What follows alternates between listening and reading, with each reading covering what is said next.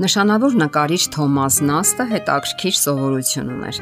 Հասարակական միջոցառումների ժամանակ նա ցուցադրում էր իր արվեստը յուրահատուկ ձևով։ 2 մետր երկարությամբ եւ կես մետր լայնությամբ կտավի վրա նա պատկերում էր գեղեցիկ ու հետաքրքիր տեսարաններ։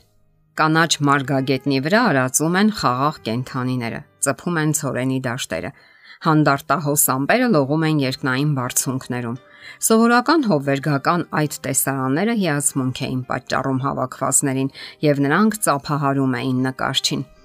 Դրանից հետո նկարիչը սկսում էր որոշ մանրուքներ ավելացնել նկարին։ Հենց նկարի վերևում մռայլ գույներ էր ավելացնում։ Պատկերը միանգամայն փոխվում էր։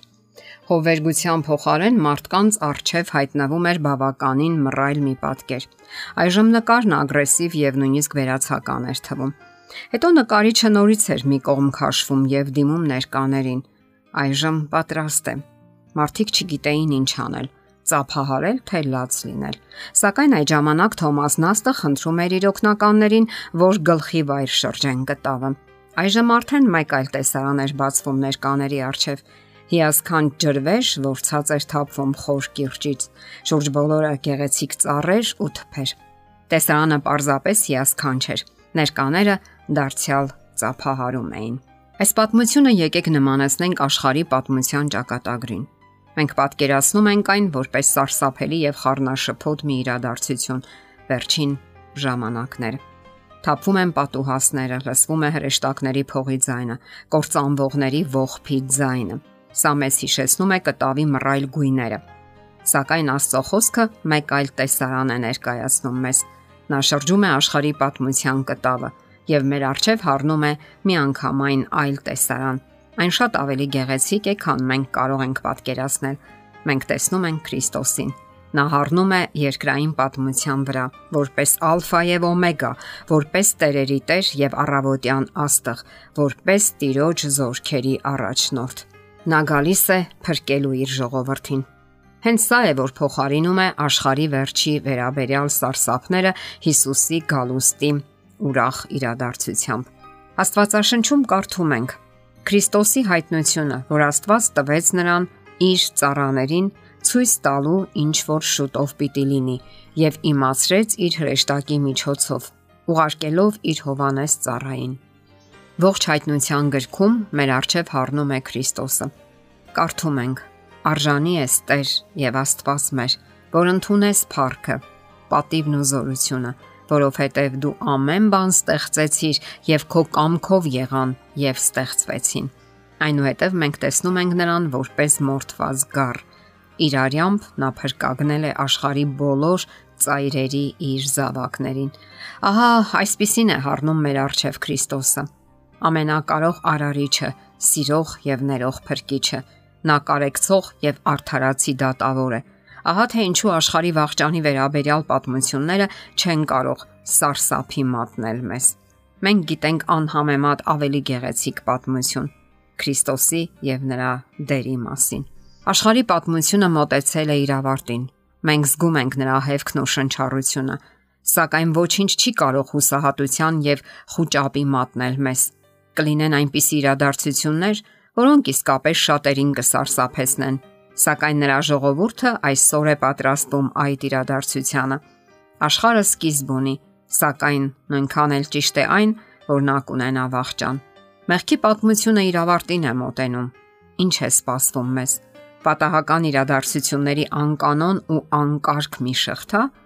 թե Աստծուն ամեն ինչ նախորոք է հայտնի։ Մենք անգիտության մեջ չենք։ Իր խոսքի մեջ նա շատ բան է հայտնել մեզ Մեր մոլորակը կհանդիպի իր ճակատագրին։ Երկրի պատմությունն ունի իր ընթացքը։ Քրիստոսը պատմության սկիզբն է ու վաղճանը։ Նրանով է ամեն ինչ եւ նրանով էլ կավարտվի ամեն ինչ։ Նա է կառավարում այս աշխարհը եւ վերահսկում բոլոր իրադարձությունները։ Ոչինչ անտես չի մնում նրա ամենատես աչքից։ Ահա թե ինչու մենք չենք վախենում։ Արդեն այսօր մեր կյանքը պետք է համապատասխանի Աստվածային չափանիշներին։ Փրկության այլ ճանապարհ չկա։ Նա վճարել է փրկագինը խաչի վրա, մահանալով մեր բոլորի փոխարեն։ Իսկ մեզանից պահանջվում է ապրել Աստվածահաճո կյանքով, հավատալով նրան եւ ընդունելով նրա առաջարկած ճանապարհն ու սկզբունքները։ Մեղավոր երկրում այսօր անընդհատ խոսում են կամ սարսափելի վաղճանի կամ այսպես կոչված հազարամյա խաղաղության մասին, որը որպես թե մեր վերջնական ճակատագիրն է լինելու։ Սակայն Աստծո խոսքը միանշանակ գրում է Քրիստոսի մոտալուտ գալուստի մասին։ Հիսուսը վերադառնալու է։ Նա գնաց տեղ պատրաստելու եւ այժմ վերադառնում է։ Հավատարիմները սպասում են նրան։ Մարդկային միստվար բանակ զբաղված է դրամ կուտակելով։ Մի մասն ապրում է այնպես, կարծես իր տերը երբեք չի վերադառնալու։ Նրանք ապրում են ցոփ ու շվայտ կյանքով։ Սակայն վաղճանը անսպասելի վրա կհասնի։ Պողոս Արաքյալը վերջին օրերի մասին գրում է. որովհետև դուք ինքներդ հաստատ գիտեք, որ Տիրոջ օրը գալու է ինչպես գողը գիշերով։ Երբ ասեն թե խաղաղություն եւ ապահովություն է, այն ժամանակ նրանց վրա հանկարծակի կհասնի կործանումը, ինչպես երկունքը հղի կնոջ վրա ու նրանք չեն ազատվի։ Իսկ դուք եղբայրներ, խավարի մեջ չեք, որ այդ օրը գողի պես վրա հասնի։ Դուք բոլորդ լույսի ворթիներ եք եւ ցերեկվա ворթիներ։ Գիշերինը չենք, ոչ էլ խավարինը։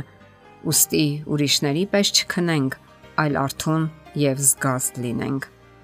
Ապավինել Աստծուն։ Ահա հավատարիմների վերջնական եւ հավերժական հույսը։ Երբ մարդը որոնում է ճշմարտությունը, Աստված իր ձեռքն է վերցնում նրա կյանքի ուղին եւ նա դառնում է ճշմարտության վկա եւ երբեք հուսախապ չի լինում։ Եթերում ղողանջ հավերժության հաղորդաշարն է։ Հարցերի եւ առաջարկությունների համար զանգահարել 033 87 87 87 հեռախոսահամարով։